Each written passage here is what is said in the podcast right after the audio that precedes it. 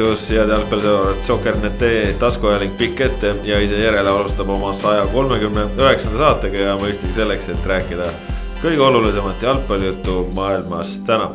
minu nimi Kaspar Elisser, täna siin minuga Ott Järvela. tere päevast. ja tagasi on ka Kristjan Jaak Kangur. tere, tere. kuidas läinud on vahepeal mm,? hästi. väga hea. see on alati hea, kui inimestel hästi läheb. võin anda jalgpallisoovitusi kui satute Saksamaale, vaadake regionaalliigat, see on ehe. ja teeb kadedaks. ega Oberliigal ka midagi viga ole? ei, ega küll, ega küll, aga noh, jah, kadedaks teeb, kui vaatate seda välismaa sellist jalkakultuuri, kus tugevuselt neljanda liiga meeskond äh, toob seal kolm pool tuhat pealtvaatajat vist umbes ja selline just vaatad nagu seda ja mõtled, et noh, see kõik oleks meil ka ju täiesti tehtav õlu on kolm viiskümmend ja külm on ju. jah, no külm oli niigi selles mõttes, et oli selline hea Eesti ilm, aga jah, äh, on vahva. no tänases saates äh, räägime siin äh, paljuski premium-liigast, premium-liigas nädalavahetusel sai nii mõndagi selgeks ja, ja mõned asjad ei saanud ka ja, ja saate lõpus põikame natuks, natukeseks ka noortekoondiste juurde, U seitseteist koondis on siin väga palju asju teinud ja mida täpsemalt sellest räägime. aga noh, saadet alustame võib-olla natuke aktuaalsemate teemadega, mis siin möödunud nädalal kirgi küttis ja, ja mis ka meil äh, siin podcast'is äh, peateema oli, oli ikkagi see Eesti Jalgpalliliit ja, ja, ja tema otsused eelmisel nädalal need äh, otsused olid sellised, et pandi asjad seisma ja, ja siis hakati vaatama, mis ja kuidas. no lõpuks äh, nädala, nädala, kui nädal otsa sai, siis saime teada, et ikka kõike seisma ei pandud, esiliigad lähevad edasi ja ikkagi premium-liigas tõus ja, ja või üleminekumängudele selguja ei otsustata mitte paberil, vaid jalgpallilahingute toel ja, ja tõesti seal siis mingisugused äh, liikumised ka toimunud äh, selles mõttes, et kõik saavad mängida. jalgpalliliit maksab siin veel toetusi esiliiga võistkondade kuueteistkümnele jalgpallurile igas võistkonnas, nii et saavad seal isegi siukest profihõngu tunda, et kuidagi, et siin äh, pooleldi katku ajal jalgpalli mängivad, et saavad väikese toetuse ka ja ja, ja selles mõttes esiliigad lähevad edasi, madalamad liigad siis äh, mitte enam nüüd ei pandud pausile, vaid need lõpetatigi ära. aga seal äh, suudeti ka leida enam-vähem süsteemid, et mis alusel keegi tõuseb, mis alusel keegi langeb, üleminekumänge madalamatel tasemetel ei veeta ja, ja nüüd siis olemegi olukorras, kus äh, jalgpallielu saab siis naasta oma rütmi juurde, mida hetkel võimaldatakse no ütleme, et vedas napilt nende madalamate liigadega ka, et seal sai nagu selle tõusmise, langemise niimoodi ära teha, et noh, ega mingit väga suurt kisa kuskilt ei tulnud, et äh, jäi ju paljudes kohtades üks voor mängida, paljud päris madalamad liigad siin jõudsid just, just nagu lõpule, et, et noh te, tegelikult läks õnneks nojah, seal teises liigas oli eelkõige siis üleminekumängudele siirdujate osas olid nagu sellised kohad üleval. noh, kui nüüd tuli otsus, et üleminekumängudest ei peeta, siis noh, siis tuleb no, ilmselt leppida reaalsusega. jah, no mulle nagu tundus, et, et see seediti ära, sest noh, me oleme kogu aeg siin juba kaks aastat korrutanud, et äh, see ettearvamatus on, on praegu paratamatu ja sellega peab oskama arvestada ja noh, enamik on osanud ka, et, et mõned kurtmised tulid huvitaval kombel sealt kõrgemalt poolt nagu just, et jah olen täiesti nõus, et Jalgpalliliidu noh, kõrvalt on alati hea kritiseerida, aga, aga me saame öelda, et mismoodi see kõrvalt paistis. et eh, natukene peegeldab eh, seda, mis on meil riigis toimunud, et eh, olemata ekspert, oleks väga ülekohtune kritiseerida tehtud või tegemata jäänud otsuseid. küll aga, mida saab kritiseerida kindlasti, on kommunikatsioon.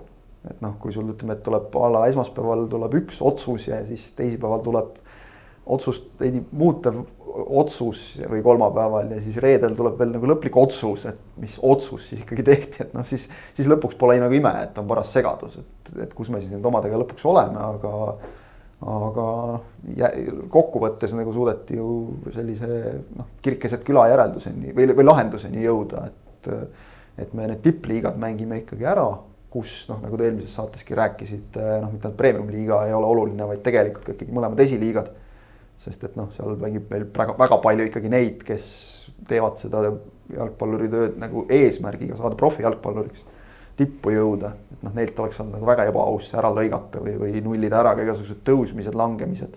see paneb ju kõva paugu noh, mitte ainult premium-liigas, kus on väga suured rahalised vahed premium-liigasse tõusmise ja esiliigasse jäämise osas, vaid ka esiliiga, esiliiga B vahel ja, ja noh, tuleb näiteks pähe see, et, et kui, kui oleks nagu üldse ära nullitud tõusmised, et noh, näiteks Nõmme Unitedi duubel on teinud nagu väga palju näinud vaeva, et, et just tõusta äh, esiliiga B-sse teisest liigast.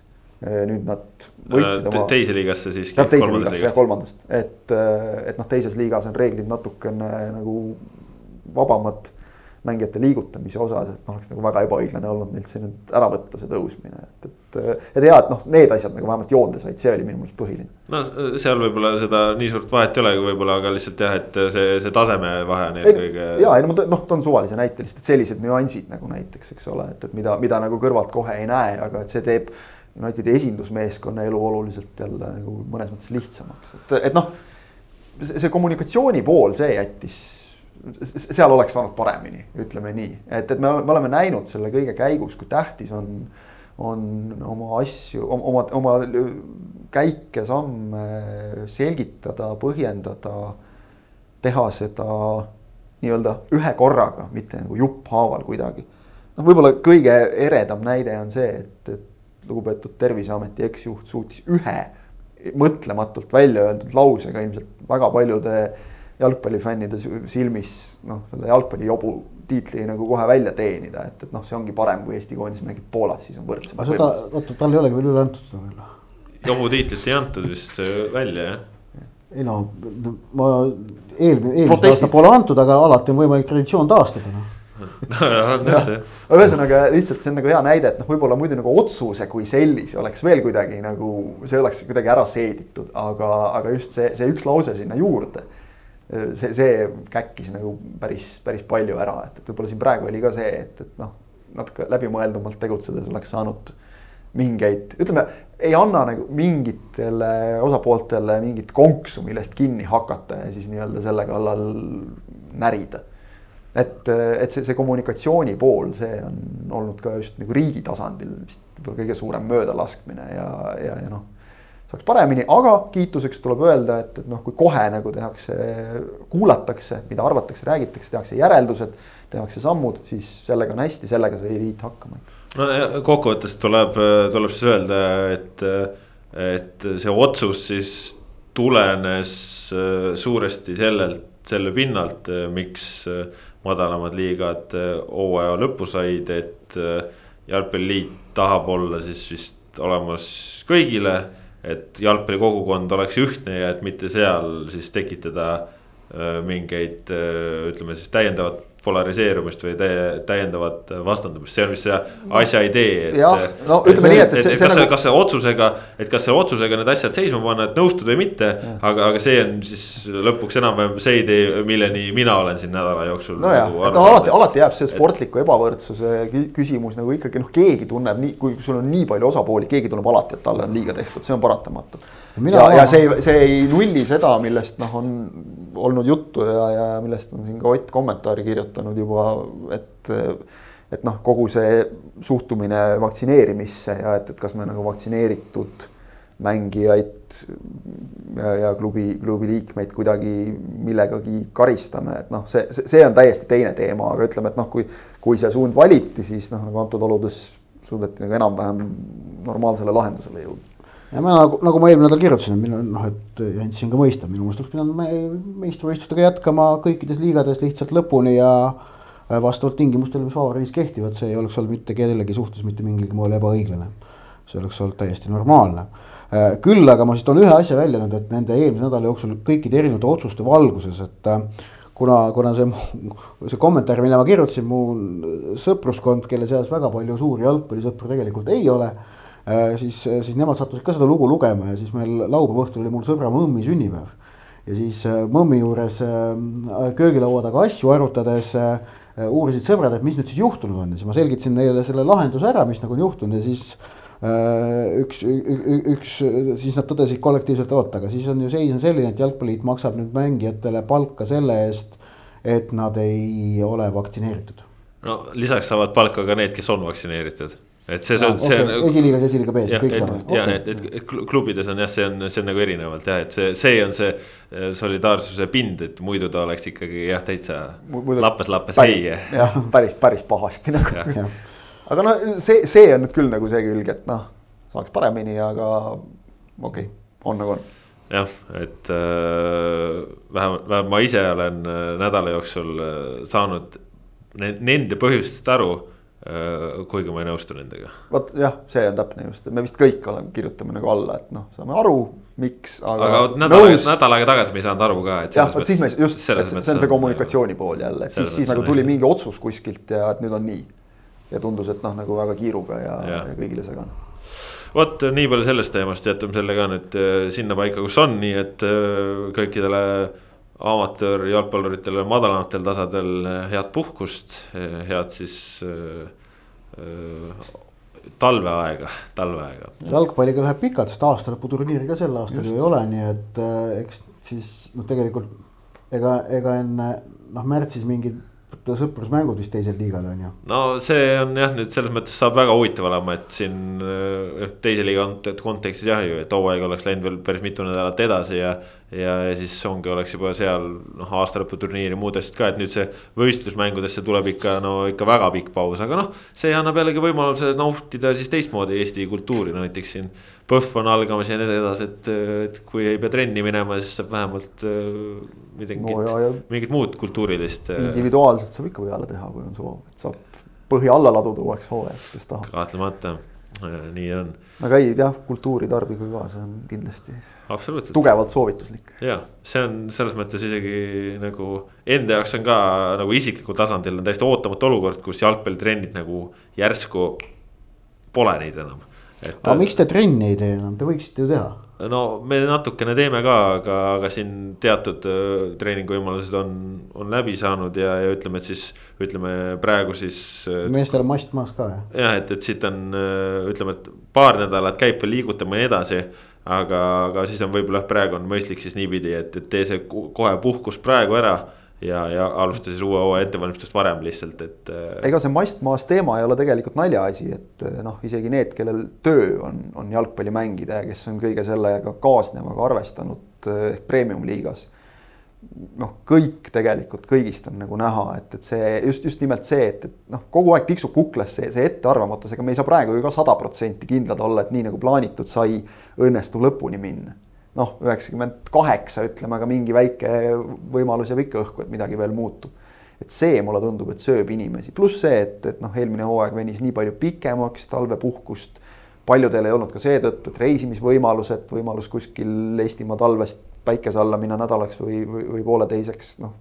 akusid laadima, see, see langes ära paljudel, et, et see, see igikestev jalgpallihooaeg nii-öelda, mille algus jälle venis, eks ole kogu aeg midagi muutub, suvel noh, hakkad nagu just hoogu sisse saama, siis tuleb EM, mis natuke jälle lõhub seda, et, et noh, see, see on kuidagi vaimselt mulle tundub, et kurnanud inimesed, võib-olla ongi mõistlik praegu võtta aeg maha, puhata korraks ja siis no,, siis minna uuele hooajale täiega peale. kuna jah, selles mõttes, et kuna praegu enam nagu midagi nagu liiga mõttes sul ei toimu, et siis sul ongi, et ütleme, et kui hooaeg on nii-öelda ametlikult lõpetatud, siis seda emotsionaalset fooni, et miks nagu pingutada või mille nimel sa töötad praegu, et seda on jah nagu raske hoida, et siis on mm -hmm. võib-olla mõistlikum vaimule natukene siis see värskus praegu ära anda ja lihtsalt alustada.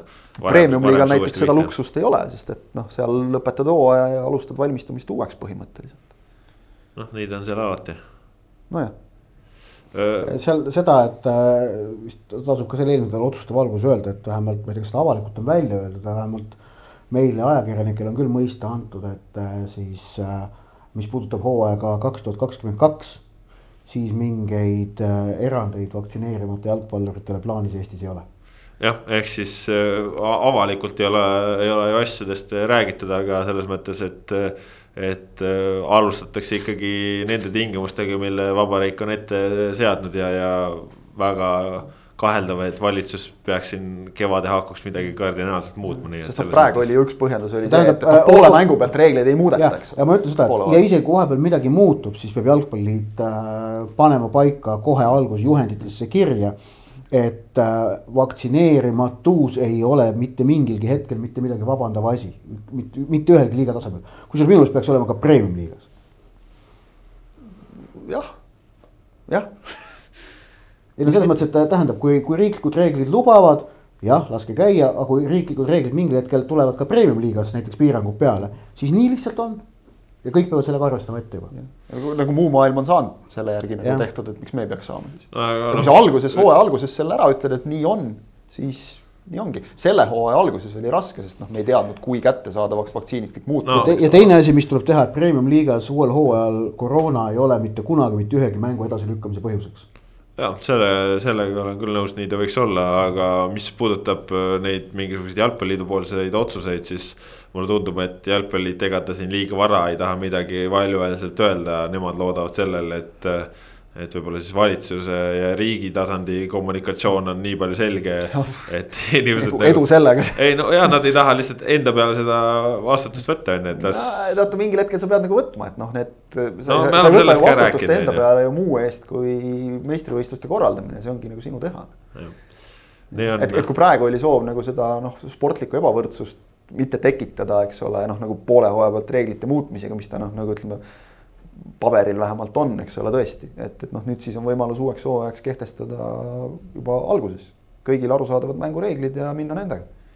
jah, seda me seda me ka siin saali jalgpalli esiliiga pealt äh, nägime, et äh, alustasid siis nii, et. kui on reeglid, siis on ja, ja järgime neid ja, ja teeme. saab küll ja ei ole ka täheldanud mingit väga suurt nurinat nagu, et noh. kes tahab mängida, see vaktsineerib ja mängib, nii lihtne ongi.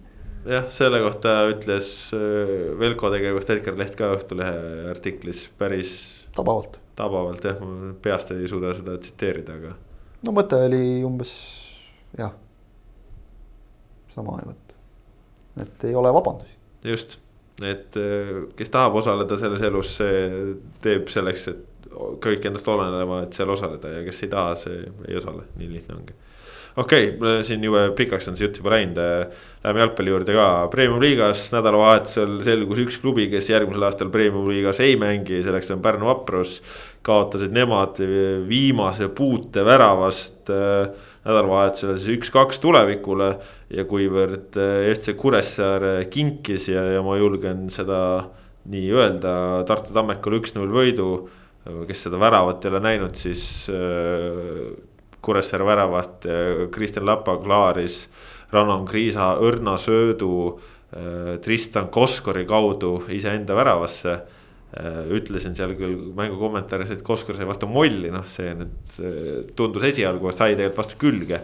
aga selles mõttes jah, täitsa sihuke pentsik tabamus, õnnelik värav Tammekale ja Tammeka siis sellega kindlustas, et nemad öö, otse premium-liigast välja ei kuku.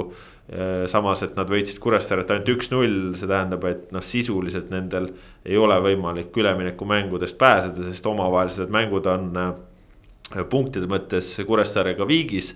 väravate vahe on ka viigis, ehk siis loeb järgmisena üldine väravate vahe ja see on Kuressaare kasuks. võitude arv on ka veel minu meelest. võitude arv jääb sama. mis jääb samaks juhul, kui noh, et üldse jõutakse võrdsete punktide peale jah. just, just, et jõud, noh, jõud. selles suhtes on just. päris lõbus seal üks vaadata. variant on, kui Kuressaare oskab kahe viimase vooruga tehnilise kaotuse saada jah, jah, täpselt. Siis, aga, aga jah, et, et Tammekal ilmselt üleminek on ju, on ju, aga see, et Pärnu kukub välja, noh äh, tuletan meelde, et oma viieteistkümnest punktist kolm ehk kakskümmend protsenti teenis Pärnu läbi tuleviku tehnilise kaotuse. Nii et äh, selles mõttes igati nagu noh, loogiline asjade käik, et nad mänguga on nad suutnud hooaja jooksul teenida kaksteist punkti. Nad on olnud tublimad, kui me kõik ootasime, aga ikkagi. mänguliselt jah. aga, aga punktide mõttes jah. punktide mõttes jällegi pigem alla lati, ma ütleksin. et kui siin jah, vahepeal oli, oli juba tekkimas, et noh. Pärnu vennad olid ise ka, et noh, aga me nüüd näitame, et mis te neid hooaja alguses kõik maha kandsite, siis noh, hooaja lõpuks on ikkagi see, et kanti põhjusega maha, et. ja et noh, see suhtumine oli ka väga okei okay., et, et eks nad noh, mõnes mõttes nagu näitasid ka rohkemat, kui oodati, mõnigi mees tegi seal nagu sammu edasi no,. Võrd Kaljule, Viik Paidega, need on kõvad tulemused. jah, et nad suutsid ikkagi üllatada paar korda ja see, see on nagu noh, ütleme häbi ei pea tundma. aga nad olid ikkagi selgelt, no ma julgen ikkagi öelda selgelt premium-liiga kõige nõrgem meeskond, meeskond kümnest seal hooajal. no seal ju probleem selles, et see koosseis oli lihtsalt ju kokkuvõttes sedavõrd õhuke, et kui sul hooaja lõpus siin kaitsevägede ja asjadega jääb kaheksa venda jääb jääb kõrvale ja, ja sul noh, reaalsus ei olegi tegelikult asendusi panna, et. vot see ongi see pika hooaega. leiutad kuskilt äh, duublist mingeid vendasid. no kui sa pead, eks ole, Ander Paabuteid tagasi tooma, kes noh, ilmselgelt nagu. moe pärast seal pingi peal istub või? tippjalg, ei no väljakulegi sai juba siin. et äh, kes noh, tippjalgpalli ikkagi, tippjalgpalliga on lõpetanud päris mitu hooaega tagasi, et noh, siis see, see, see nagu näitab ka üht-teist, et kui, kui sa hooaja otsustavas faasis pead tooma endal vahetusest platsile mehed kes äh, pole seni mänginud minutitki. noh, ja see ei ole nii, et anname seal Mattias Villotale või kellelegi, eks ole, tuleviku mõttes nagu minuteid. Äh, vot see, see on nagu asi, et muud on nagu Pärnule raske ette heita. aga jah, see, see on ju teada, et vigastused, mängukeelud pika hooaja lõpuks tulevad alati. Äh, see, et sul mehed lähevad kaitseväkke, no aja sünniaastates näpuga järge ja saad teada, et see võimalus on üleval. ei, need kutsed ju tulevad ka kutsed tulevad ju varem ka juba, eks ole, et see ei selgu nagu, et eile tuli kutse, homme peab minema nagu, et, et see noh. suvel ei mingeid täiendusi praktiliselt. kas üldse keegi tuli?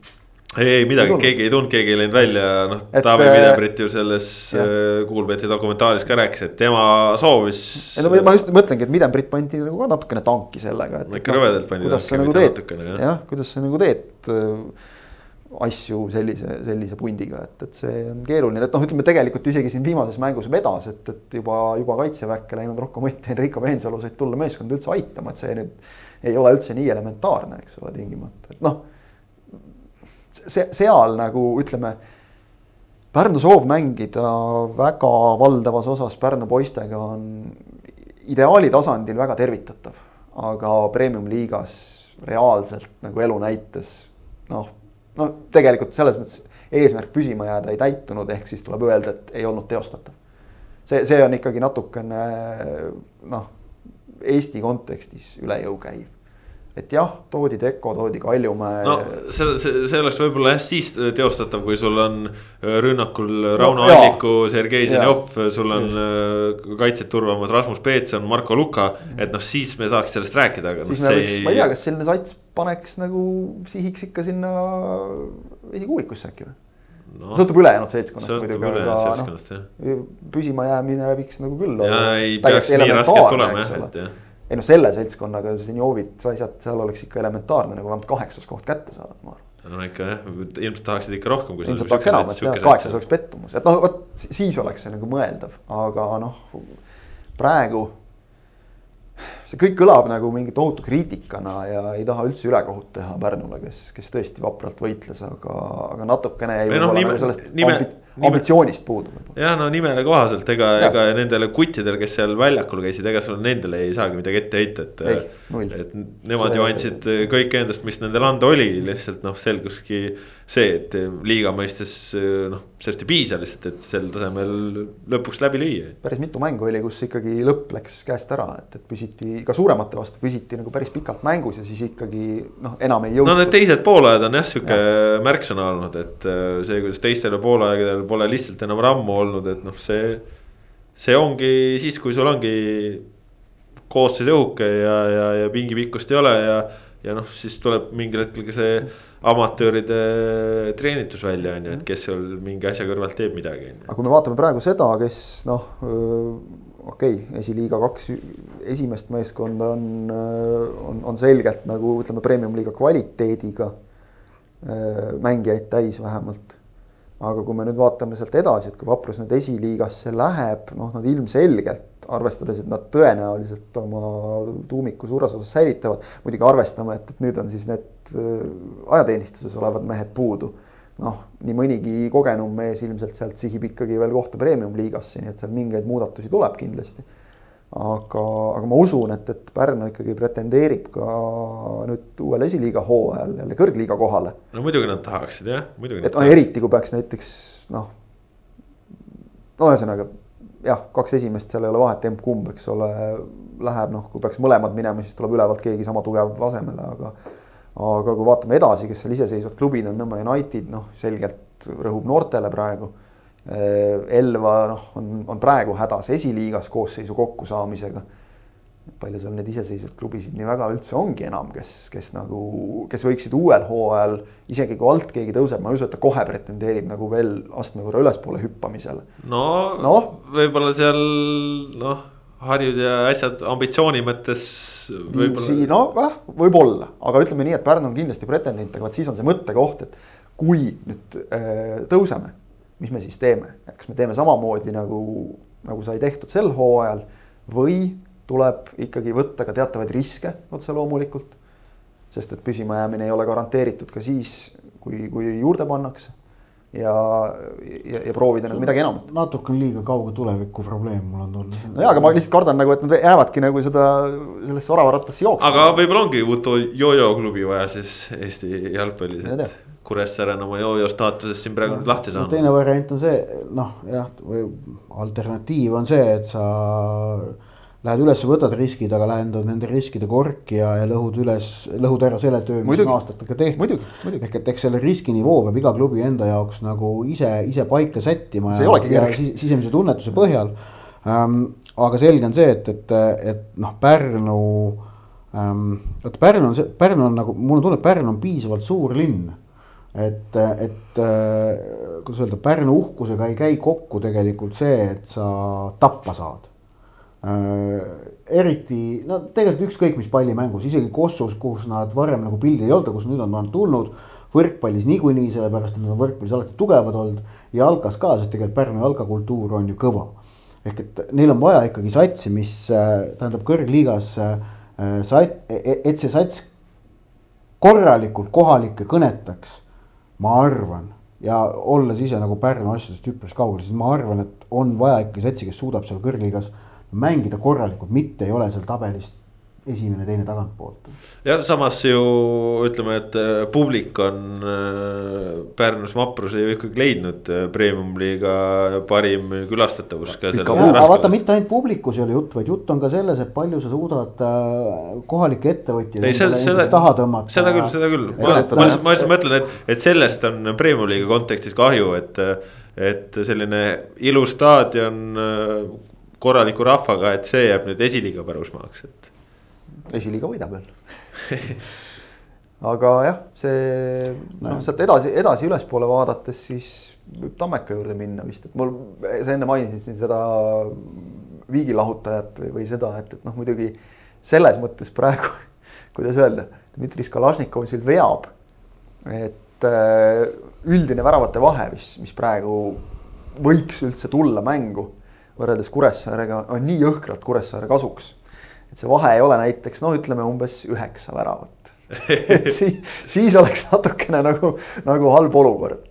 aga Kalašnikovs tegi nagu julge sammu, kui Flora vastu saatis noh, sisuliselt duubelmeeskonna mõne põhimehega põhimehed ja... suuresti ka enda jaoks ebatavalistel positsioonidel no, mingid noh. Kevin, Kevin Aalo keskkaitses, eks ole jah, kes kusjuures mängis seal nagu tublit, et noh, imelik on öelda, üheksa väravat on, on, on nagu lüüa lastud, aga, aga Aalo taha seal nagu asi ei jäänud, et ainus asi, mis tal, millest tal on võib-olla puudust, on pikkus, aga noh, tänapäeva jalgpallis teinekord annab kompenseerida, et jällegi ka sellest mängust saab midagi võita, et nagu Kalašnikov ütles, et ma nägin ära, et ma võin teda seal kasutada, kui vaja on, ta alt ei vea, kogemustega noh, meil on koondises mänginud Martin Rein keskkaitsjat, eks ole, ja saanud hakkama, et, et see no,. Fabio Cannavaro on võitnud no isegi Ballon d'Ori on ju. Pole ka nagu maailma kõige pikem mees, et, et, et see pole nagu tingimata näitaja. ja need olid natuke võib-olla teised ajad ka, ütleme need noh, Reimi koondise ajad, kus noh keskkaitse pidigi olema suur tugev koll, et praegu see ei ole nii oluline. praegu on selline noh, vaata, et Märten Kuuse tüüpi keskkaitsja on nagu hinnas pigem isegi selline liikuv ja tehniline. aga võttis, Kalašnikov võttis treenerina riski ja tasus ära, Kuressaaret võideti absoluutselt, selle osas ei ole midagi kobiseda, noh selliseid valikuid. mulle meeldib tegelikult, treener julgeb teha selliseid. tähendab, selliseid valikuid tehakse mujal maailmas ka, et lihtsalt sageli need tagajärjed pole, sedavõrd drastilised, sellepärast et see taseme langus niivõrd jõhkrate muudatuste puhul pole mm. tingimata niivõrd suur, kui praeguse Tammeka puhul oli, noh. seda võimendas veel ka vastane, kelleks oli Flora on ju Eesti noh. juhtivklubi, kes mängib eurosarja. kes oli just vastu näppe saanud, kes ilmselgelt tuli nagu noh, ennast endale tõestama. muidu oleks see mäng võib-olla lõppenud viis-null ja siis me ei räägiks noh, nagu üldse millestki erilisest ja ka selliseid otsuseid, äh, vot selliste otsuste jaoks nagu ongi peatreenerid ja, ja peatreeneri noh, üks omadus on see, et ta peab julgema teha otsuseid, mille eest ta võib kõvasti vastu päid saada. Ja, ja Kalašnikovs näitas, et ta julgeb neid otsuseid teha. ja seekord oli siis selline, mille eest ta vastu pead ei saa, vaid vastupidi, tuleb kiita. Jah, sest loogika selle otsuse taga oli täiesti selge, tõesti, oli mänginud kümnekonna päeva jooksul Tammeka kolm noh, päris rasket mängu põhikoosseisuga. tähtis mäng ees ootamas mm. -hmm. aus lüke, me ei ole Eestis sellega harjunud võib-olla jah, aga nagu Ott ütles, et noh, sisuliselt see on võrreldav sellega, kui sa, sul on tähtis liigamäng tulekul kuskil Inglismaal on näiteks noh, see Miki Hiire karikas ehk liigakarikas just selleks kohaks, et kus sa lükkadki selle kolmanda koosseisu sisse ja, ja keegi. no okei okay,, kobisetakse ikka, aga tegelikult kõik saavad aru, miks seda tehakse no,. elus on prioriteedid no,, no, tahad või ei taha. nädala keskel oligi ju seal Inglismaa liigakarikas West Ham, Manchester City, mõlemad tegid vist üheksa muudatust algkoosseisus võrreldes eelneva liigamänguga noh, muidugi, et Manchester City'l olidki siis väljakul Kevin De Bruyne ja, ja, ja Raheem Sterling ja siukse kaliibriga mehed. ja, said sisse. ja aga, aga said sisse jah, ja, ja said sisse siis nii-öelda West Hami varumeestelt on ju, et. et noh, ei, ei, ei ole nagu, ma, ma saan muidugi aru, et Tammeka on noh, et padufännil on, on raske lihtsalt seda alla neelata, kui su meeskond null üheksa kaotab. no ja vist see... ka mängijatel endal oli tegelikult muidugi, raske. muidugi oli ja noh, selles mõttes Aloe sellist emotsionaalsest intervjuust mängu järel võib aru saada, et kus ta ütles, et noh, tanki pandi meid nagu, et äh,. muidugi on vastik, aga ma arvan, et tal oli nüüd pühapäeva õhtuks oli vähe parem tunne juba. võib-olla mitte küll oma punase kaardi pärast. no okei okay,, noh shit happens öeldakse selle kohta ka, et kaitsjana sa oled arvestanud, et mõni ikka tuleb hooaja peale ja aga, aga nojah, selles mõttes, et ega see ju mäng äh, Kuressaarega oli ikkagi noh, nii võimaluste vaene, kui ta üldse olla sai ja, ja ega seal mingisugust erilist elu ei olnud ja Kuressaare. sellest võistkonnast, kes äh, Floralt nagu tahtis võitu kätte saada, ei olnud enam nagu mitte midagi alles, et. et see meeskond seal noh, oli väljakul ja tegi mingeid asju, aga ega nendel erilist nagu ambitsiooni seal ei olnud ja. ja noh, siis see väljenduski noh, Kuressaare vaatevinklist maailma kõige lollimas väravas ja, ja Tartu Tammeka vaatevinklist maailma kõige õnnelikumas väravas, mis siis lõpuks määras nii palju, et jah, vaprusele adjöö ja. ja noh, Tammeka mehed ikkagi juubeldasid pärast seda üks-null võitu ja noh, kui nüüd võtta võtta Tartu Tammeka viis viimast mängu koos karikasarjaga neli võitu, et. ja siis see üks-null üheksa, eks ole, mis ja. oli noh, nagu erand et, et ega jah, Kalašnikov saab selles mõttes nagu rinnakummi lüüa, et ta toodi siia Eestisse väga selgelt mitte nagu ilusat jalgpalli mängima, vaid tulemust tegema. tulemus on tehtud. jah, ja noh, selles mõttes äh, jah, see intervjuu, mis ta sul nädala keskel andis, see oli nagu päris kihvt, et et. Äh, see oli otsekohane. jah, et, et ta, et ta rääkiski, et seal noh, Tartus oligi tunda mugavustsooni mitmel rindel ja, ja keegi ei taha ei taha peeglisse vaadata ja kui seal mehed ongi, et, et hakkavad seal ise mõtlema, et aga teeks nii või teeks naa, siis noh, Kalašnikov tõi vendad maa peale, et. et mida te mõtlete, te olete üheksateist mängu lutti saanud, et. üks siis, võit üheksateistkümnest. et, et noh, millest te räägite, on ju, et. mida, mida see, ei ole nagu mõtlemise koht, et siin tuleb asju teisiti teha ja ma ütlen ausalt, et mind nagu noh, oled asja sees, siis teinekord unustad nagu selle suure perspektiivi ütles, et noh, viis aastat, ma hakkasin mõtlema, et Kaido Koppel oli tõesti viis aastat Tammeka peatreener. see ja, ja tõepoolest kontrollisin järele igaks juhuks ja viis aastat, see on ikka jube pikk aeg tegelikult. puhtalt see, et, et noh, me teame, et üldiselt tänapäeva jalgpallis noh, see treeneri selline noh, optimaalne aeg nagu kipub olema seal kolme aasta ringis, et noh, Eesti on natuke teistsugune, aga samas, kui sa vaatad meie treenerite nagu praeguste näiteks premium-liiga treenerite selle klubis oleku pikkust, ega seal ka väga palju pikem ei ole ja kes on siin noh.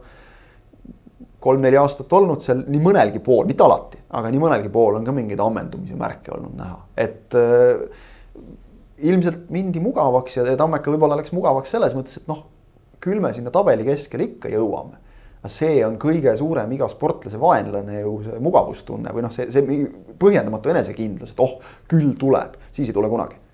sest alati on keegi, kes on sinust näljasem, kes tahab rohkem ja, ja täpselt nii Tammekaga praegu läks, et just see, et. see äratuskell, mille ilmselt noh, mida Kalašnikovs on seal kõlistanud päris korralikult ja, ja tundus, et ta, ta tahaks veel kõvemini teha seda sellest intervjuust et kõigile jõuaks kohale ka klubis sees. mugavustsoonist väljamurdmine on, on väga raske teinekord, et, et noh, võib-olla Tammekal nüüd oli siis see vajalik raputus ja, ja saadi aru sellest, et et praegu oldi nüüd sellises olukorras, et, ja mehed, te võitlesite püsimajäämise nimel. kui see ka üles ei ärata, mis siis veel? Ja mulle väga meeldis sealt intervjuust ka, ka see, millega ta nüüd selgitas ära, miks ta on neid mängijaid eh, nii erinevatel positsioonidel kasutanud ja, ja noh, väga palju tekkis küsimusi, miks mingi mängija sihukese koha peal, kus ta elus pole varem mänginud. aga klassikas ütleski väga selgelt, et ta lihtsalt tahab mängijatele anda arusaama, et nad on suutelema, suutelised enamaks, ehk siis ongi konkreetselt lihtsalt mugavustsoonist väljaviimiseks, sellepärast pandi see Reio Laabus sinna äärekaitsesse ja. ja, ja Kevin Mätas äh, äärepoolkaitsesse, ongi ainult sellepärast, et, et kuidagi ärgata, äratada see sats üles ja tekitada nendele elu ja, ja saada nagu kuidagi selline jah, vaimuvärskus võib-olla siis, et. nojah, et, et just saada nagu sellest kastist välja ja võta Mätas, eks ole, vapruse vastu kaks väravasöötu ääre pealt ja asi töötas suurepäraselt, Uljanov ründas. noh jällegi see, et midagi sa pead ju muutma. mängijaid juurde ei too. järelikult sa pead kuidagi natukene vangerdama mängijatega, kes sul on. okei okay,, ütleme näiteks tenniste toomine keskväljale, noh, võib-olla ei töötanud nii hästi, aga ega sa enne ei tea, kui sa ei proovi. ah, Sander Kapri lõhkuva poolikuna on ikka, see on ikka kuldasi, noh, see on kihvt vaadata. no mees on ju ikka terrier, eks ole no., Eesti jalkas kõik teavad, et, et see on pull noh, see on, lihtsalt pull noh. Isuga mängib, eks ole, vot, vot seal on jällegi see, et, et noh, me teame, et nagu keskväljal sul on võimalik natuke rohkem mängu mõjutada võib-olla ka. ja seda oli sel hetkel vaja ja, ja noh, see ei ole, ei ole lihtne niimoodi tulles hooaja lõpu eel ja noh, olles ikkagi korraliku surve all, tulemust ju nõuti, asju muuta, aga Kalašnikov sai hakkama sellega, nii et noh, see on selge, et et Tammekal on, on üheksas koht, ma arvan, selle võib küll ära öelda sealt noh, kaheksandaks ei roni ei, ei roni ikka ilmselt mingi nipi. ja, et isegi Kuressaare, ükskõik kui palju nad äh, tahavad ja loodavad, siis ikkagi üleminekumängudele tänavu on ikkagi jube raske jõuda, et sellega need Saaremaa mehed peavad leppima siis, et. tuleb siis üks aasta selline, kus, kus äh, hooaeg äh, saab varem läbi ja, ja räägime pärast mängu. Tammestad veel seda kaotust Kuressaare fänne ka, kes olid ikkagi olid ikkagi ütleme sihuke nagu häiritud meeleolust sellest mängust natukene, siis ma proovisin ju lohutada, et aga teil on ju hästi, et kindlasti üleminekumängudele ju ei lähe, siis ütles. et mis asja, et see ei ole ju hea, et see on jama, et üleminekumängud parim asi üldse et ma siis jah sain aru, et nad natuke on pettunud, et ei saa seal tünnisaunis, tünnisaunas äh, mängu vaadata detsembrikuus, et aga noh. hullu, alati on järgmine hooaeg võib-olla järgmisel aastal jah et jah, nii ta on, no nii palju siis Premiumi liiga tabeli lõpuheitlustest, tabeli eespool ka oli korraks tunne, et äkki läheb isegi põnevamaks midagi. Flora suutis siis võõrsil Narva Transi kaks-null helistada, Rauno Sappinilt, Sappinenilt kaks väravat. püüab siis tema kannul püsida Henri Anieril, kes on väravaküttide edetabelis siis esimene, sellepärast et. Paide alistas laupäeval Leegioni neli-null, Henri Anier kübaratrikk ja siis äh, noh, tuligi pühapäeval siis kõige oodatum mäng, et äh, kuna Flora oli võitnud, siis väikene survepoisik, kelle Levadial jälle peal oli. Levadia mängis siis Kaljuga suures plaanis sedasi, et tundus päris võrdne lahing olevat ja, ja Kalju sai juhtima ka, aga siis selline väga kiirelt anti mingisugune penaltilaadne toode vastu ja, ja selle Beglaršvili realiseeris väga kindlalt. ja siis Beglaršvili mängis juba suurepärast söödu Adžiirile ka, kes, kes lõi kaks-üks ja Levadia võitis, nii et. et see mängu tulemus lõpuks siis tabeliseisu huvitavamaks, põnevaks ei teinud, aga, aga Ott, sa seda mängu kõige lähemalt jälgisid, et jah, noh, lähevad noh, sellest Sportland Arena tribüüni ülemisest reast. ma selle Flora mängu kohta ütlen veel kaks sõna ka, et, et äh, mulle avaldas muljet see, kuidas Flora pärast esimest poolaega, mis oli lõppenud seisuga null-null. Ja kus äh, Transi noor väravaht Pavlov viskus kõikide pallide ette sama edukalt nagu Matrossov Džoti ette ja mitte Aleksei Matrossov, vaid see, see, see teine Matrossov et Flora jäi nagu väga rahulikuks tegelikult ja jätkas nagu metoodiliselt oma mängu, oli endas kindel ja lõigi need kaks väravat teisel poolel ära. et, et see oli selles mõttes ähm,, see oli, see oli, näitas taset mis, mis ei, küll ei üllatanud, aga näitas, näitas taset, et nad suutsid niimoodi ikkagi pingevabalt või stressivabalt selle olukorra minu meelest ära lahendada. aga siis tulles pühapäevase mängu juurde, siis äh,. see mäng oli ka pühapäeval ja õige jah, teise pühapäevase mängu juurde, siis äh, äh, Levadial natukene ikkagi vedas. Neil vedas sellega, et nad kohe pärast kaotusseisu jäämist selle väga pehme penalti said. Nüüd selle penalti kohta, et minu meelest seal nagu Frank Liivak tegi kõik õigesti. sellises olukorras ongi ründaja kohustus kukkuda ja vaadata, et kas nagu kohtunik, kohtunik reageerib või mitte ja seekord kohtunik reageeris ja Levadia sai selle penalti kätte Äh, ja. ei no Liivak tegi kõik õigesti, võib-olla, mis see, Tševelikidis oli vist seal, kes seda müksu tegi, et tema võib-olla kõige õigemini asju ei teinud, aga. noh, kokkuvõttes noh, sa no, saad aru, sealt antakse penaltid, aga no jube pehme ikka noh, no ta on ikka tegelikult on see pehme. Ja, et kui seda penaltit poleks kohtunik andnud poleks keegi peale Levadia mitte midagi selle just, kohta nagu öelnud just. ja Levadia ütleb noh, subjektiivsetel põhjustel, eks ole. ehk et noh, neutraalne pealtvaataja sealt penaltit ei eeldanud mitte mingil juhul, see on tõsi, aga just. selliseid penaltid antud jalgpallis varem ja antakse ka hiljem, selle vastu ka noh, nii lihtsalt asjad on. et aga, et Levadia sai sellest penaltist kohe nagu selle viigi võrra kätte, neil tegelikult see stressinivoo ei jõudnudki veel tekkida pärast seda Kalju avaväravat äh, noh, millel oli ju potentsiaal, millel oli väga suur potentsiaal Levadia jaoks väga ebameeldivaks sündmuseks muutuda noh, kokkuvõttes Levadia oli Kaljust natukene parem, ma arvan, nad väärisid seda võitu. Äh, huvitav oli see, et pärast mängu, kui ma siis äh, Vladimir Vassiljevi käest küsisin, et, et selle surve kohta, mille, mille, mis nagu lõpus Kalju neile peale pani, siis ta ütles, et see ei olnud surve. et, et talle, ta, ta nagu ei jäänud nõusse, et Kalju pani lõpus surve alla, okei okay., ma hiljem mõtlesin seda veidikene. Äh, ja Kalju ei tekitanud värava võimalusi, aga aga Levadia laskus ikkagi, tõmbus ikkagi päris, päris madalale, mina seal väljakul tajusin küll, et Levadia pabistas. et Levadia pabistas, et nad selle kaks-ühe mingil moel puterdavad ära. Ja, ja seetõttu ma väidan, et see Kalju lõpuvärk oli ka surve, Kalju võttis nagu riske küll, nagu ikka kaotuses meeskond võtab. noh, Kaarel Usta toodi põhimõtteliselt nagu parem kaitsesse või paremasse äärde, noh. Läksid natukene vist kolme kaitse peale üle seal tegelikult, no mingit sellist hübriidformaati natukene mängisid. Äh, aga igatahes jah, ja lõid muidugi pikki palle ette ja, ja tegid noh, nagu seda ikka, mida, mida kaotuses võistkond teeb. aga Levadia oli minu meelest pabinas ja, ja see on nüüd äh,, aga see on ka loogiline ja see on ka loogiline, sest Levadial äh, iga mänguga, millega nad lähevad lähemale sellele meistritiitlile. see sisemine ootus ju kasvab, sisemine tahe kasvab ja samamoodi kasvab äh, see teadmine, et need asjad, mis on võimalik maha mängida, on üha vägevamad et noh, see kõik on omavahel nagu seotud, et see. mõne, mõnes mõttes kasvab ka hirm, eks ole. jah, või mis see on, vapruse värinad või, või kuidas, kuidas selle kohta nagu võib öelda. aga igatahes äh, seekord sai Levadia nendega hakkama. Äh, natukene vedas, õnne peabki heal võistkonnal olema, natukene vedas, said hakkama, said oma võidu kätte. ja nagu Frank Liivak seal äh, mängijate koridoris naljatades teatas või niimoodi nägu naeru teatas, noh nii palju, kui mina tean, me saime kolm punkti ja läheme nüüd rõõmsalt koju. nii oli äh, Levadial sellest värisemisest ülesaamiseks on vaja küsida nõu lihtsalt oma, oma personalilt, oma ringist, Ain Tammus teab. Hirm on see, mis mehe araks teeb kuldlause ühest, äh, vist selle või oli eelmise või selle hooaja mängujärgsest intervjuust, äkki oli selle hooaja see, see, see, see Florat saadud äh, pakk, seal vist oli et see, see kehtib endiselt, ma usun, et seda Tammus oskab seda õigel hetkel veel korra või kaks öelda ka meeskonnale. aga põnev on vaadata just, just nagu selle nurga alt ka, et okei okay,, need sportlikud tulemused, aga et. Flora, kes kindlasti väga tahab, tohutult tahab kahtlemata tiitlit. Aga kelle jaoks noh, ütleme tiitlite jäämine antud seisus, kus nad on kogu aeg olnud jälitajad, ei ole nüüd ka nagu selles mõttes emotsionaalselt nagu katastroof.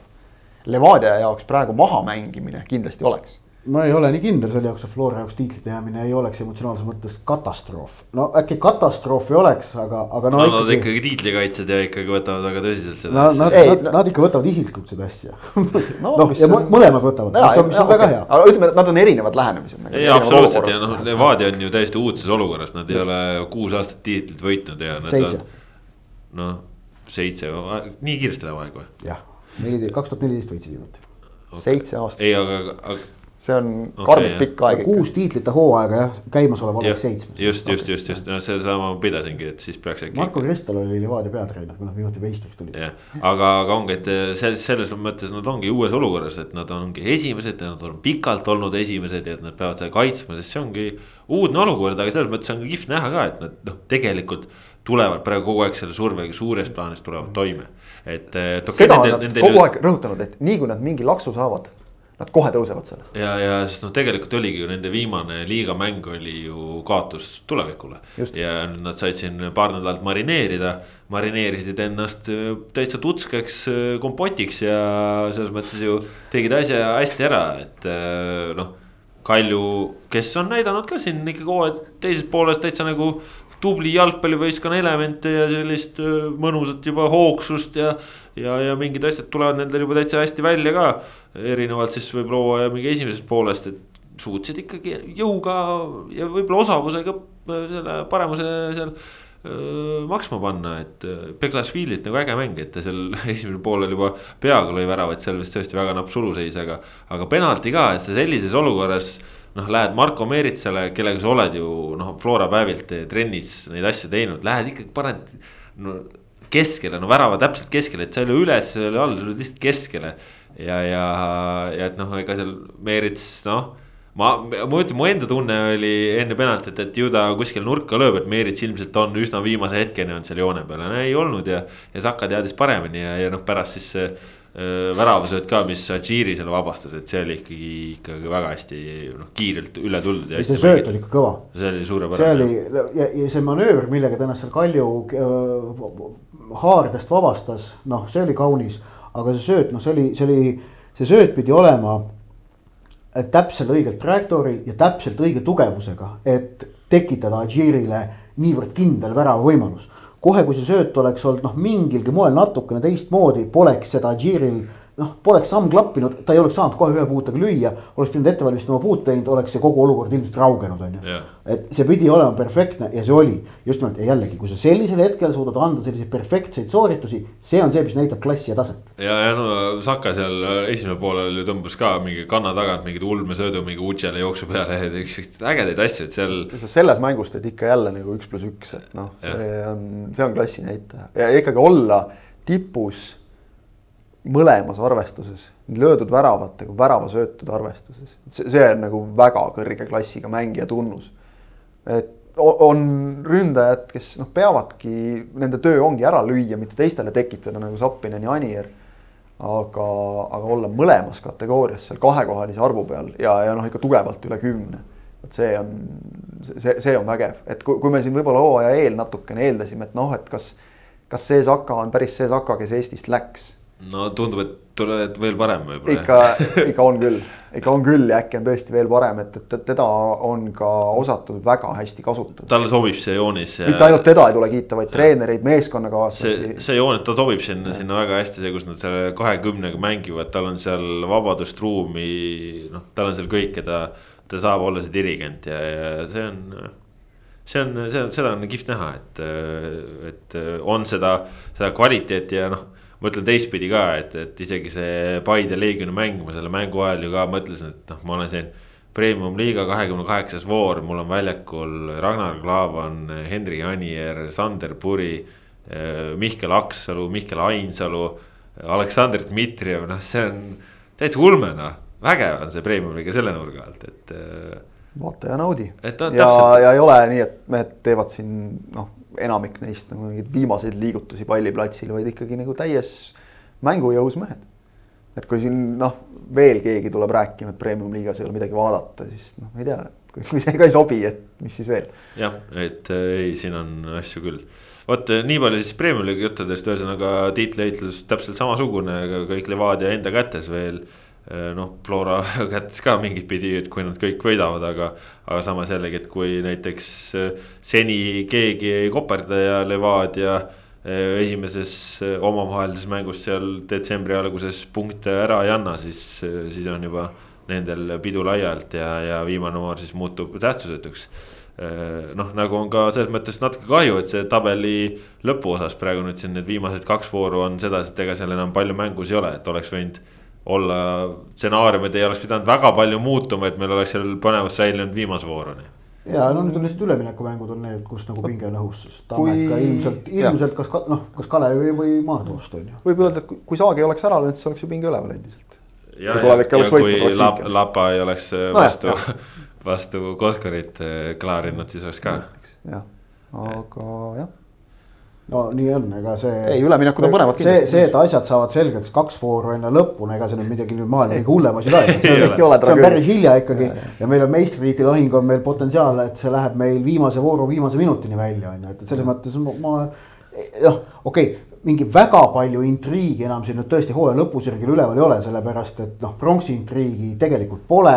neljanda-viienda koha intriig läks seoses Leegioni kaotuse ja oleme ausad, ka Leegioni mängupildiga on suhteliselt maas et noh, kui midagi ootamatut juhtus, siis Kalju saab neljanda koha kenasti kätte. noh, ja oleme ausad, neljanda-viienda koha intriig on niigi selline. ja seal, see on sisutühi. sisutühi jah, täpselt, seal ei ole midagi ja, taga. ja et seitsmes-kaheksas koht, noh, seal on ainuke asi see, et kas Kurre suudab teha nagu seitsmenda koha, millega no, vist oleks, mis vist oleks nende ajaloo parim või? jah, selles mõttes, et nad on viimati seitsmendad olnud siis, kui liigas oli kaheksa võistkonda, nii et äh, selles mõttes jah. no ikkagi, no siis oleks kordamine ikkagi.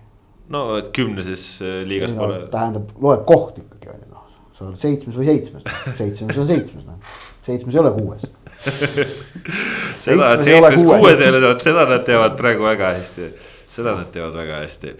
Nonii, aga siin saate lõpetuseks. kogu see mõte muidugi, kogu see, aga tähendab, kogu see äh, praegu see liiga poolitamine, et see on nagu natukene noh olen ise olnud väga skeptiline selle suhtes pikalt, et kas nagu Eestis peaks minema liiga poolitamise teed.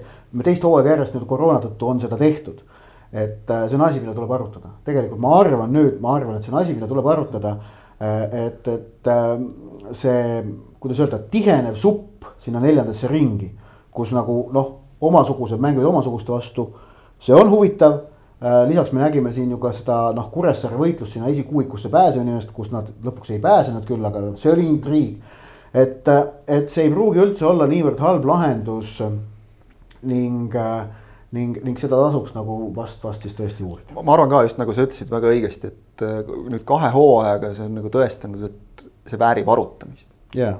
see, selle noh, on ta nagu välja teeninud. aga ma tahan, et see arutelu ei toimuks Sokkerneti Foorumis siis äh, maailmatarkade koosolekul, vaid ikkagi inimeste osas, kes nagu teavad ka jalgpallist midagi ehk siis pigem sa ja, mõtled seda. jalgpalliliidu spetsialistid. jah, et see arutelu. tehniline osakond, kõik ja. muud need võtavad maailma praktikad arvesse, noh nõnda edasi, et see, see, see ei. ma võin sulle, ma võin sulle lubada, ma võin sulle lubada üsna kindlalt, et, et seal selles äh, universumis, mida sina mainisid, toimub see kindlasti. see peab. ta peaks see. toimuma lihtsalt ka teises. jah, mujal jah, just, vot see on õige määratlus.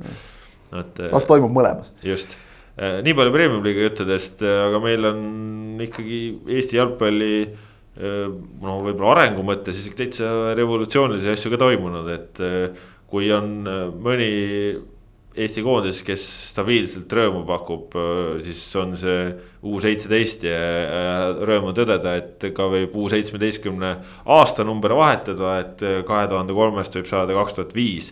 aga see, mida tegi U seitseteist koondis möödunud nädalal, kus siis tuldi välja alagrupis, valikusarja alagrupis välja seisust, kust Ungaril oli null kolm kaotatud, esimene mäng, seejärel alistati Island kaks-üks ja siis otsustavas mängus Gruusia üks-null ja pääseti eliitringi no see on kihvt Ott, sa tahad siit äkki üle võtta nüüd? ja ei, see oli, see on lihtsalt kõva.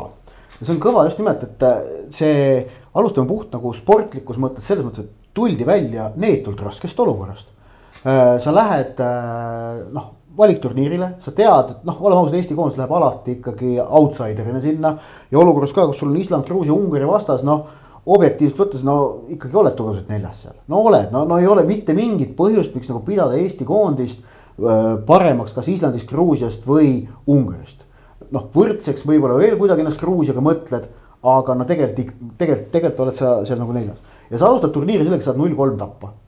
ja, ja nagu peatreener Marko Pärpu mul eile telefonis märkis, et noh, et ega see, see null kolm oli olnud ikka selline konkreetne null kolm, polnud nagu eriti nagu võimalustki olnud, võimalusi väravat lüüa ise.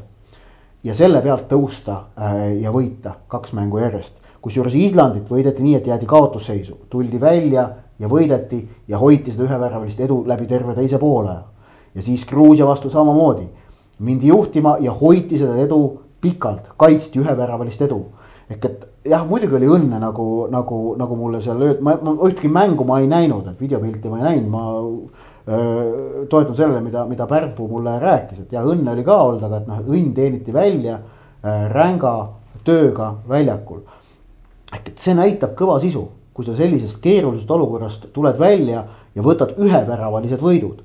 Et need äh, üheväravalised võidud tähendavad, et ei, vastasel ei olnud halb päev, vaid ühe äh, hal- äh,, tähendab noh, et kui sa, kui sa võidaksid, ma ei tea, Islandit neljaga, siis ilmselt oleks seal see, et vastasel pidi halb päev ka olema. aga kui sa võidad Islandit ühega ja Gruusiat ka ühega, siis see eeldab seda, et sul pidi olema hea päev. et sina suutsid ennast kokku võtta ennast nagu fokusseerida maksimaalselt ja tegid selle tulemuse ära. nii et, et see oli tõesti nagu vägev siis kui neljapäeva õhtul Ungariga ühendust võtsin ja no seal ja tõsi, olgu see öeldud ka see, et teised tulemused pidid klappima, sealt esikoht alagrupis tuli. kuigi kahe võiduga edasipääs oleks noh, nii ehk naa reeglina tuleb ära. kaks said edasi, eks ole. ja, just ähm,, aga, aga et siis noh, see telefonikõne sinna neljapäeva õhtul Ungarisse, siis oli, see oli, see oli mõnus. kuidas sa kuuled taustal, kuidas nagu noored kutid juubeldavad ja noh, ele, ele, elame on life'i ja no tõesti on noh seda oli ja, lugedes, lugedes oli aru saada, milline möll seal taga ja, võis käia. jalgpallielu, nende, nende poiste jalgpallielu tipphetk ju igasuguse, igasuguse kahtluseta. ja, ja noh, nagu, nagu samamoodi Pärpu tõi ka selle välja, et, et noh, ega selliseid mänge kutid pole väga saanud, kus sa äh,, tuled pannakse põlema, õhtune aeg äh,. pinged on üleval, hümnid, noh sellist mängu sa siin Eestis ka U17 eliitliigas, no sa ei saa, need on hoopis teised pinged ja, ja kuidas nagu kokkuvõttes saadi selle kõigega hakkama. see on, kui nagu sealt muud ei tule ja kunagi pole garantiid, kas U seitsmeteistkümnest jõuab äh, lõpuks nagu tipp täiskasvanute jalgpalli äh, üks või kaks või neli meest või null või, või kas neist üldse nagu lõpuks tippjalgpallurid saavad. siis nagu muusse või tavaellu, argiellu kaasavõtmiseks säärane kogemus on väga-väga väärtuslik nii et kui muud ei tulnud, siis kakskümmend Eesti noort kutti said sealt ainulaadse kogemuse, mis on inspiratsiooniks nende edasises elus. olgu see siis seotud jalgpalliga või mitte ja see on ka juba sellise asja juures kõva väärtus. ja see on kõva just, nagu sa ütlesid, see eelmine U seitseteist koondis, kaks tuhat kolm, millest me väga palju lootsime, kellel tegelikult ju valiktsükkel, nüüd uus see valiksari läks noh, aia taha. alagrupis mängimine palju pettumust, okei okay,, seal oli objektiivseid põhjuseid, mingeid mängijaid jäid eemale, eks ole, keegi oli seal vigastatud, noh. raske on nüüd teha täpselt, see on nüüd see hetk, kus on, tuleb tõesti teha see samm juba meeste jalgpalli, aga mis on huvitav, kui vaadata nüüd seda kahe tuhande viienda aasta koondist, mis nüüd mängis. siis äh, tegelikult, kui vaatad, et sealt on päris paljud poisid, on juba suures mängus. vaatan näiteks koosseisu, Christopher Käit hiljuti tegi juba debüüdi Kalevi esindusmeeskonnas, esiliigas. muidu mängib esiliiga B-s. Tristan Pajo, väravalööja ühes, värava sööduandja ühes mängus. otsustavas mängus. esiliiga B-s, noh, otse öeldes paneb hullu juba. Dmitri Epihhin on juba Nõmme Unitedi eest, esindusmeeskonna eest mänginud, väravaid löönud veel vaadates, et Aleksander Alteberg samamoodi oli juba Maarduga esiliigas, nüüd on Nõmme Unitediga esiliigas. et, äh, et, et on, on neid mehi ja Emir Dikajev näiteks, kes ka, kes ka skoori tegi. jubedalt oleks tahtnud teda eriti nüüd praegu hooaja lõpus näha Nõmme Kalju esindusmeeskonna eest ka veel mängimas, sest et noh, tegemist on vaieldamatult talendiga. et ma usun miskipärast jah, muidugi nagu Ott ütles, garantiisid ei ole. meenutame seda koondist, kes, kes, kes mängis siin kodust U üheksateist äh, valikturniiri. U üheksateist, noh selgelt seal on juba natuke rohkem välja kujunenud äh, ikkagi, ikkagi noored mehed, kellest nagu võib saada jalgpallur. sealt on ju tegelikult noh, tippjalgpalli vist Karol Mets on kõige parem näide, eks ole, sealt no üheksakümmend. kõik kaugemale jõudnud mees. üheksakümmend kolm jah, siin äh, Premiumi liigas. Pikk oli selles koondises äh,. kas, kas Pikk mängis seal ka, ma võtan aasta, aasta käiku küll, mul millegipärast Pikka ma sealt ei mäleta, aga, aga noh. Premiumi liiga mõistes Hannes Anier, Märten Pajunurm on ju. just, et, et, et noh, igast aastakäigust ikka, ikka Eesti puhul nagu mõned mehed ikka tulevad ja kui sa nüüd paned, eks ole, juba kokku selle, et, et noh, loodetavasti sealt sellest kahe tuhande kolmandast ka või no mis loodetavasti noh, seal kõik liigub ju sinna suunda, kui vaatad, kus meil siin mõned vennad sellest koosseisust juba mängivad välismaal, eks ole. kaks tuhat viis juurde, noh, päris lootusetu ei ole päris lootusetu ei ole jah. äkki, äkki ikkagi nagu nüüd mingid vahepeal tehtud sammud, et kui me olime augus, noh, täpselt ongi, kehtib see, et, et aega läheb aga nad hakkavad tasapisi andma mitu-mitu aastat hiljem pärast nende tegemist lõpuks ka tulemust. ja, ja nüüd noh, see eliitring on, on nendele poistele ju ainult, äh, ainult boonus.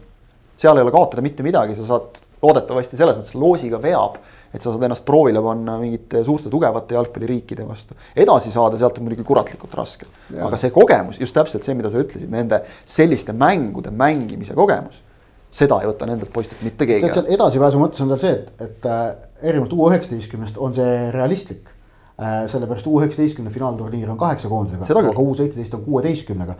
mis tähendab, et teise kohaga sa pigem noh, teised kohad, üks teine koht ei lähe edasi, seitseteist kohta lähevad edasi kaheksast. ehk et noh, annab nagu kuidagi unistustes joonistada. natukene loosiga joppab. präänik on suurem. jah jah, ja mis puudutab äh, veel noori Eesti jalgpallureid, siis äh, Inglismaalt on nii palju uudiseid, et äh, Nuno Espirito Santo, kes andis Maksim Baškotšile äh, Tottenham Hotspuri esindusvõistkonnas debüüdi, on nüüd saanud sulesappa, nii et ja, ja saanud siis sulesappa enne kui Ole Gunnar Solskjaer, nii et äh, igast huvitavaid asju juhtub ikkagi maailmas. no enne Solskjaeri on üks asi, teine asi on see, et äh, kui sa tood peatreeneri, lased tal, mis tal oli vist seitseteist mängu või? Teha, kusjuures tood peatreeneri, kes mängib täpselt nii, nagu ta enne mängis ehk viljeleb oma stiili. siis pigem ikka nagu peeglisse ei pea vaatama mitte peatreener selle koha peal, vaid äh, need, kes ta tõid.